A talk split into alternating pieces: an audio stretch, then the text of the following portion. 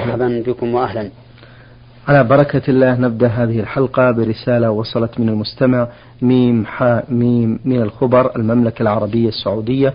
يقول في هذا السؤال فضيلة الشيخ اشتريت قطعة أرض من والدي بسعر رمزي هل يجوز ذلك؟ وخاصة أن لي عشرة إخوة وخاصة أن لي عشرة إخوة من الأب أرجو إفادة مأجورين. الحمد لله رب العالمين. وأصلي وأسلم على نبينا محمد وعلى آله وأصحابه أجمعين. ثبت عن النبي صلى الله عليه وسلم من حديث النعمان بن بشير رضي الله عنه أنه قال اتقوا الله واعدلوا بين أولادكم.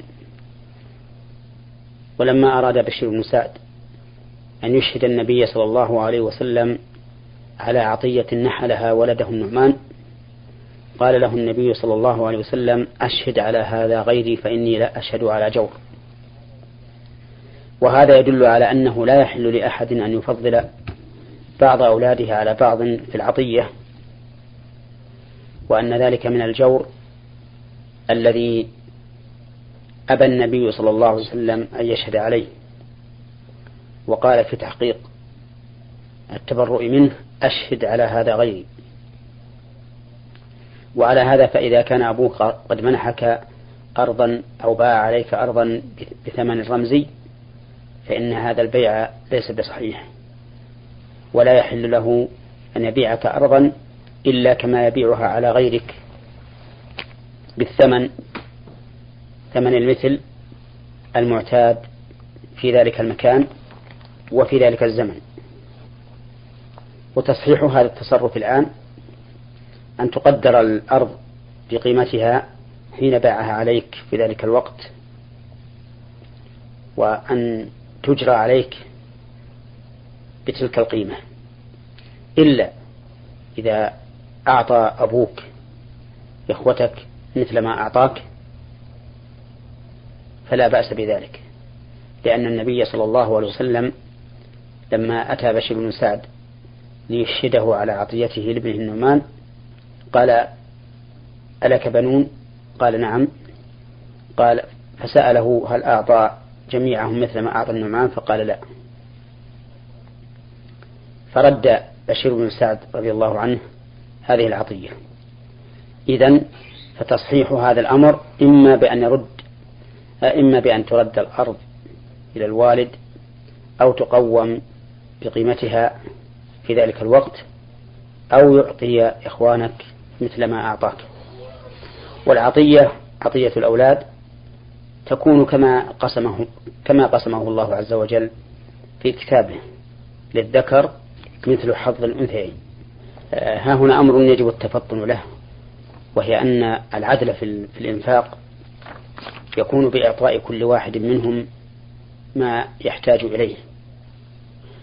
فإذا كانت الأنثى تحتاج إلى حلي يلبسه مثلها فاشترى لها أبوها حليا لتلبسه فإنه لا يلزمه أن يعطي مثل قيمته للأبناء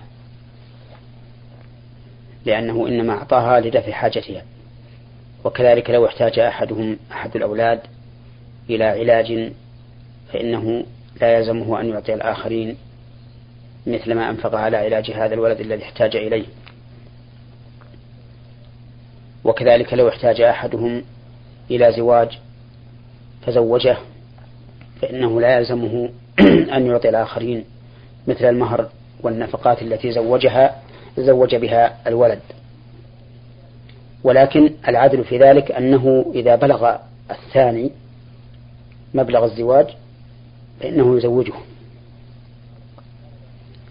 وقد كان بعض الناس إذا كان له أولاد وقد كان بعض الناس إذا كان له أولاد كبار فزوجهم وأولاد صغار لم يبلغوا الزواج يوصي لهم بمثل المهر بعد موته وهذا خطأ ولا يجوز لأن الوصية للوارث محرمة لأن الله عز وجل لما قسم المواريث قال آباؤكم وأبناؤكم لا تدرون أيهم أقرب لكم نفعا فريضة من الله. إن الله كان عليما حكيما. فأخبر عز وجل أن هذا القسم الذي تولاه سبحانه وتعالى بنفسه فريضة صادق عن علم وحكمة وغاية محمودة. وقال تعالى في الآية الثانية تلك حدود الله. لما ذكر المواريث قال تلك حدود الله. ومن يطع الله ورسوله يدخله جنات تجري من تحتها الأنهار خالدين فيها. وذلك الفوز العظيم. ومن يعص الله ورسوله ويتعدى حدوده يدخله نارا خالدا فيها وله عذاب مهين. وقال النبي صلى الله عليه وسلم إن الله أعطى كل ذي حق حقه فلا وصية لوارث. فهؤلاء الأولاد الصغار فهؤلاء الأولاد الصغار الذين زوج الوالد إخوتهم الكبار الذين بلغوا الزواج لا يجوز له أن لا يجوز لوالدهم أن يوصي لهم بمثل المهر. ولكن إذا بلغوا الزواج في حياته فل فليزوجهم. وخلاصة القول أنه يجب على الإنسان أن يعدل أو أن يعدل بين أولاده في العطية وكذلك يجب عليه أن يعدل بينهم في النفقة والعدل في النفقة أن يعطي كل واحد منهم ما يحتاج من النفقة. قل ذلك أو كثر.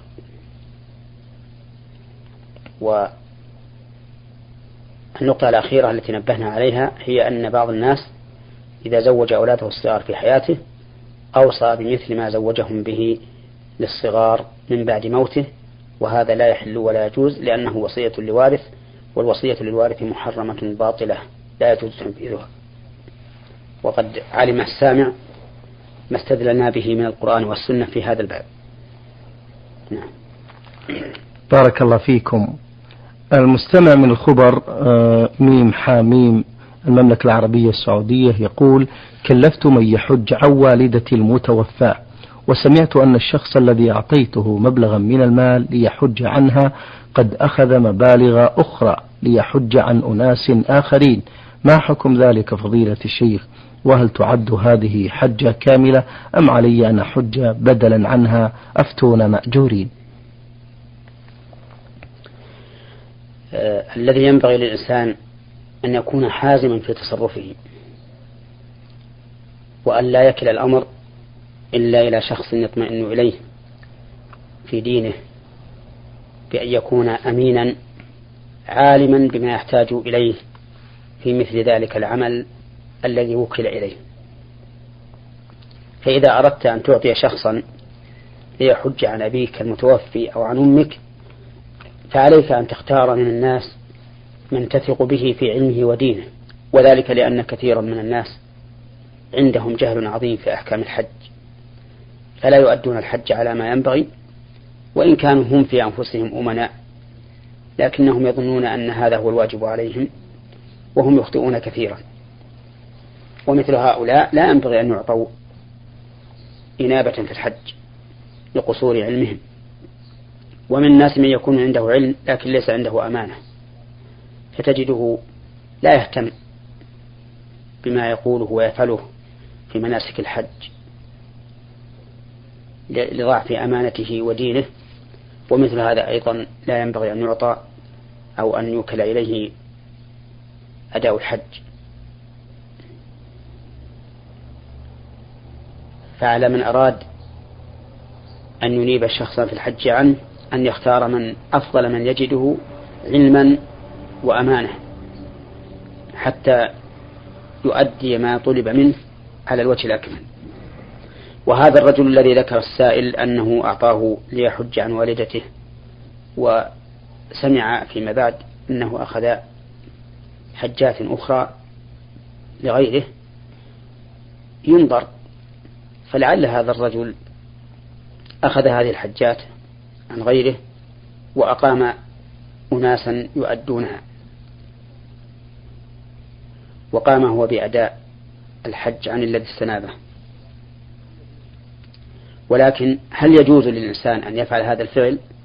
أي هل يجوز للإنسان أن يتوكل عن أشخاص متعددين في الحج أو في العمرة ثم لا يباشر هو بنفسه ذلك بل يكلها إلى أناس آخرين؟ نقول إن ذلك لا يجوز. ولا يحل.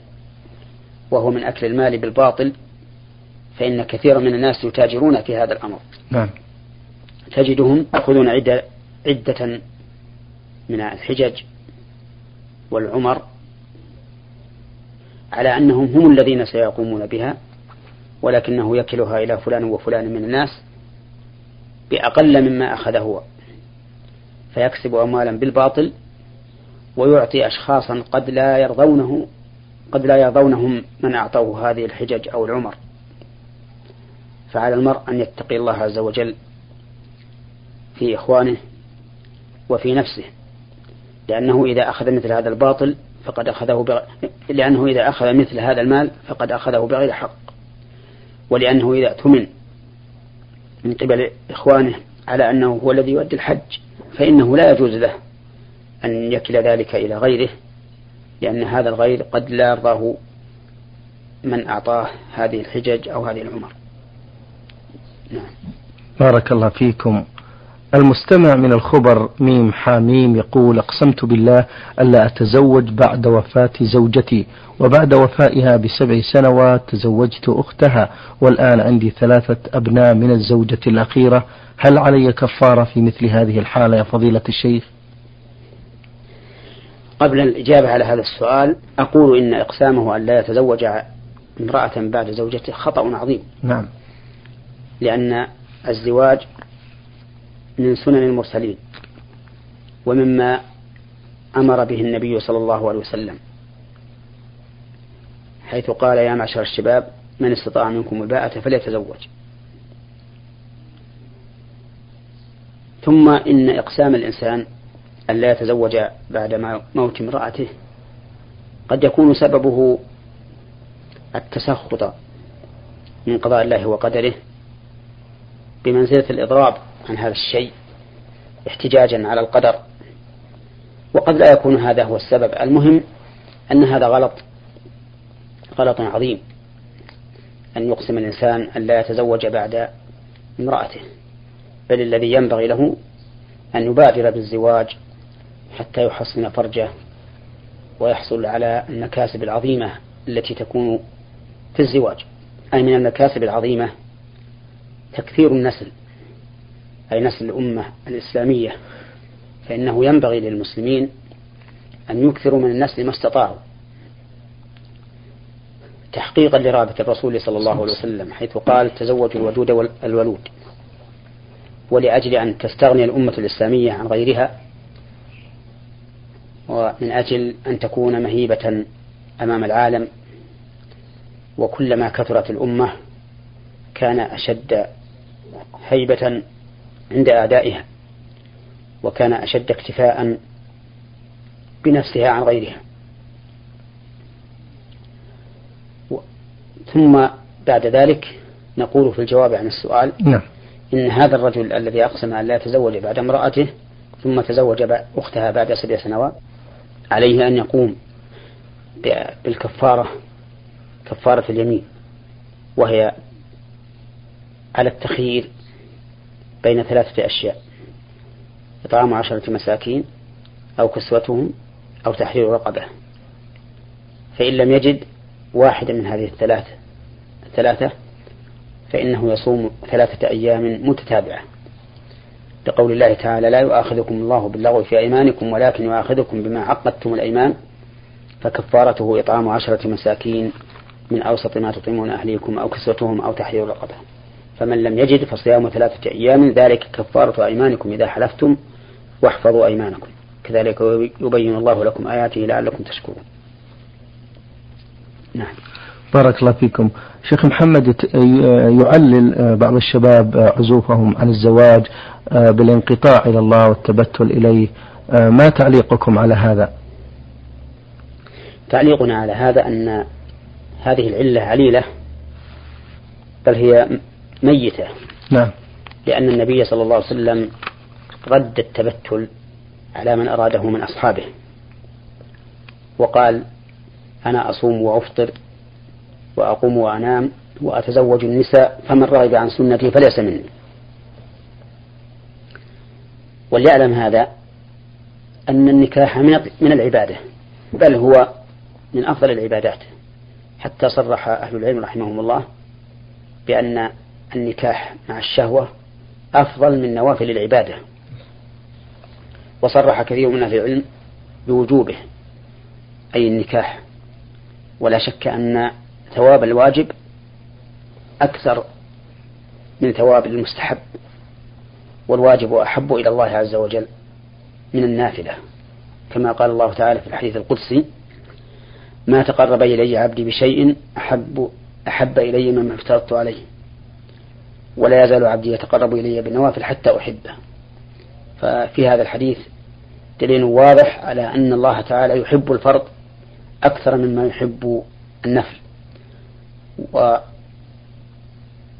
والنظر شاهد بذلك فإنه لمحبة الله له جعله واجبا على العباد لا بد لهم من فعله وهذا يدل على تأكده عند الله سبحانه وتعالى.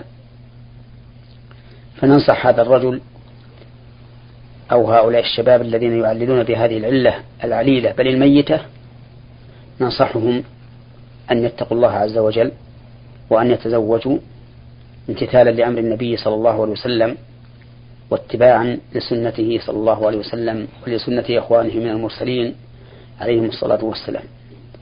ومن أجل أن يكثروا الأمة الإسلامية وينفع وينفع الله بهم. بارك الله فيكم. هذا المستمع من الزبير البصرة فألف فا يسأل عن هذا الحديث عن ابن عباس رضي الله عنه عن النبي صلى الله عليه وسلم قال آه، أقام رسول الله صلى الله عليه وسلم تسعة عشر يوما يقصر الصلاة فنحن إذا سفرنا تسعة عشر قصرنا وإذا زدنا أتممنا. آه، ما صحة هذا الحديث يا فضيلة الشيخ؟ هذا الحديث صحيح أخرجه البخاري وغيره. وذلك أن أن رسول الله صلى الله عليه وسلم فتح مكة في رمضان وأقام فيها تسعة عشر يوما يقصر الصلاة. وأفطر أيضا بقية الشهر لأنه فتحها في آخر الشهر. ذكروا أنه فتحها يوم الجمعة الموافق للعشرين من شهر رمضان في السنة الثامنة من الهجرة. ولم يصم بقية الشهر كما ثبت ذلك في صحيح البخاري من حديث ابن عباس أيضا. يقول ابن عباس فنحن إذا أقمنا تسعة عشر يوما قصرنا وإذا زدنا أتممنا. وهذا رأيه رضي الله عنه في المدة التي ينقطع بها حكم السفر بالنسبة للمسافر. والعلماء مختلفون في هذه المسألة أي فيما إذا أقام المسافر متى ينقطع حكم السفر في حقه على أكثر من عشرة أقوال ذكرها النووي رحمه الله في شرح المهذب. وهذا يدل على أنه ليس هناك سنة صحيحة صريحة في تحديد المدة التي ينقطع بها حكم السفر.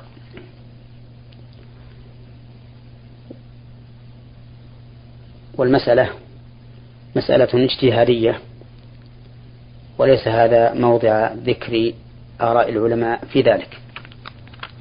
لكن كأن السائل والله أعلم أشكل عليه ما قاله ابن عباس رضي الله عنهما مع المشهور بين الناس بأن المدة التي ينقطع بها حكم السفر خلاف ما قاله ابن عباس رضي الله عنهما. ولكن ليعلم السائل أن هذه من المسائل الخلافية. نعم. أيضا الحديث يقول عن النبي صلى الله عليه وسلم كان إذا خرج عليه الصلاة والسلام لم يزد عن ركعتين حتى يرجع. نعم. هذا أيضا صحيح. وهو أن رسول الله صلى الله عليه وسلم إذا خرج من المدينة لم يزد على ركعتين حتى يرجع. سواء كان ذلك في الغزو أو في الحج أو في العمرة. لأن الإنسان إذا خرج من بلده فهو مسافر حتى يرجع إليها إلا إذا نوى الإقامة في البلد الذي سافر إليه إقامة مطلقة غير محددة أو نوى الاستيطان والانتقال من بلده إلى هذا البلد الآخر الجديد فإنه يكون له حكم أهل البلد الذي سافر إليه. ثم لو عاد إلى بلده بغير نية الاستيطان فهو مسافر في بلده. ولهذا قصر النبي صلى الله عليه وسلم في مكة مع أنها كانت بلده الأول. وهذا كثيرا ما يحدث ويقع فيه التساؤل. أن الإنسان يستوطن بلدا جديدا غير بلده الأول فهل إذا رجع إلى بلده الأول يكون في حكم المسافر؟ أو يكون في حكم المستوطن المقيم نقول إنه يكون في حكم المسافر ودليله ما أشرنا إليه. ولا فرق بين أن يكون قد تزوج في بلده الأول الذي تركه واستوطن غيره أم لم يتزوج. لأن الرسول صلى الله عليه وسلم. كان يقصر في مكة مع أنه قد تزوج فيها وأتاه أكثر أولاده وهو في مكة. نعم. بارك الله فيكم. أيضا آه، ولعلكم أجبتم على هذا يقول آه، صلاة المسافر كم المدة التي يقوم بها المسافر وهو يقصر ويجمع؟ وإذا صلى مع جماعة فهل يتم أو يقصر؟ نعم. المدة التي ينقطع بها حكم السفر مختلف فيها نعم. كما أشرنا إليه آنفا. على أكثر من عشرة أقوال والقول الراجح أنها لا, تحد لا تتحدد بمدة. فمتى كان الإنسان مسافرا؟ عازما على الرجوع إلى بلده ولكنه حبسه حاجة أو تجارة أو نحو ذلك فهو في حكم المسافر. كما ذكره شيخ الإسلام ابن تيمية رحمه الله. ولكن إذا كان في بلد تقام فيها الجماعة وهو يسمع النداء فإنه يجب عليه حضور الجماعة وإذا حضر فإنه سيتم لأن المسافر إذا أتم بالمقيم وجب عليه الإتمام سواء أدرك الصلاة من أولها أم أدرك الصلاة من أثنائها. وعلى هذا فلو اتم مسافر بمقيم في الركعتين الأخرين من صلاة الظهر أو العصر أو العشاء وجب عليه أن يأتي بركعتين بعد سلام الإمام ولا يحل له أن يسلم معه. لقول النبي صلى الله عليه وسلم إذا سمعتم الإقامة فامشوا إلى الصلاة وعليكم السكينة ولا تسرعوا فما أدركتم فصلوا وما فاتكم فأتموا. وهذا الحديث عام يشمل المسافر الذي صلى خلف المقيم والمقيم الذي صلى خلف المقيم أيضا وهو واضح.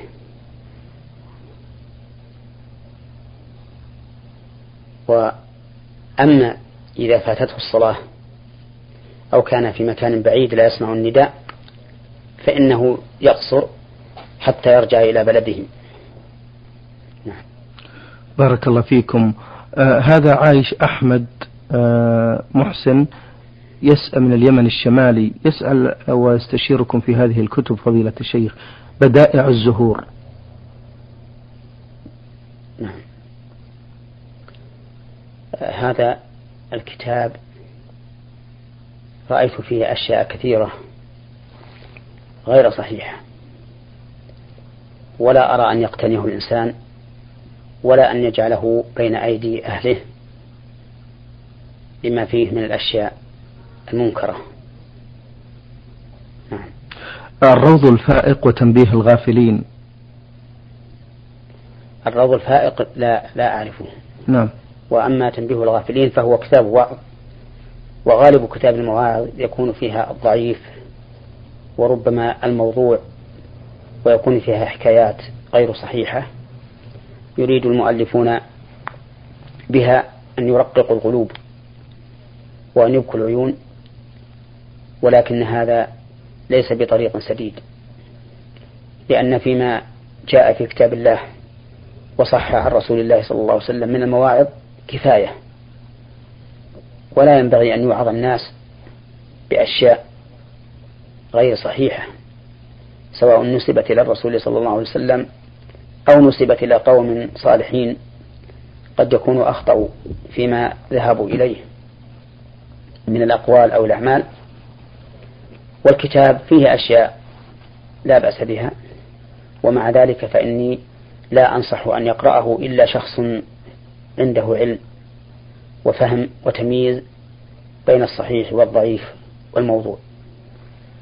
شكر الله لكم فضيلة الشيخ وعظم الله مثوبتكم على ما بينتم لنا وللإخوة المستمعين الكرام.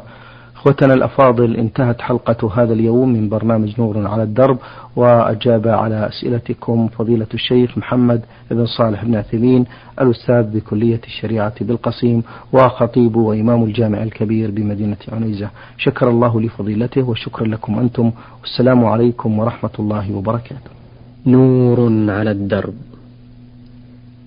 برنامج يومي يجيب فيه أصحاب الفضيلة العلماء. على أسئلة المستمعين. البرنامج من تقديم وتنفيذ عبد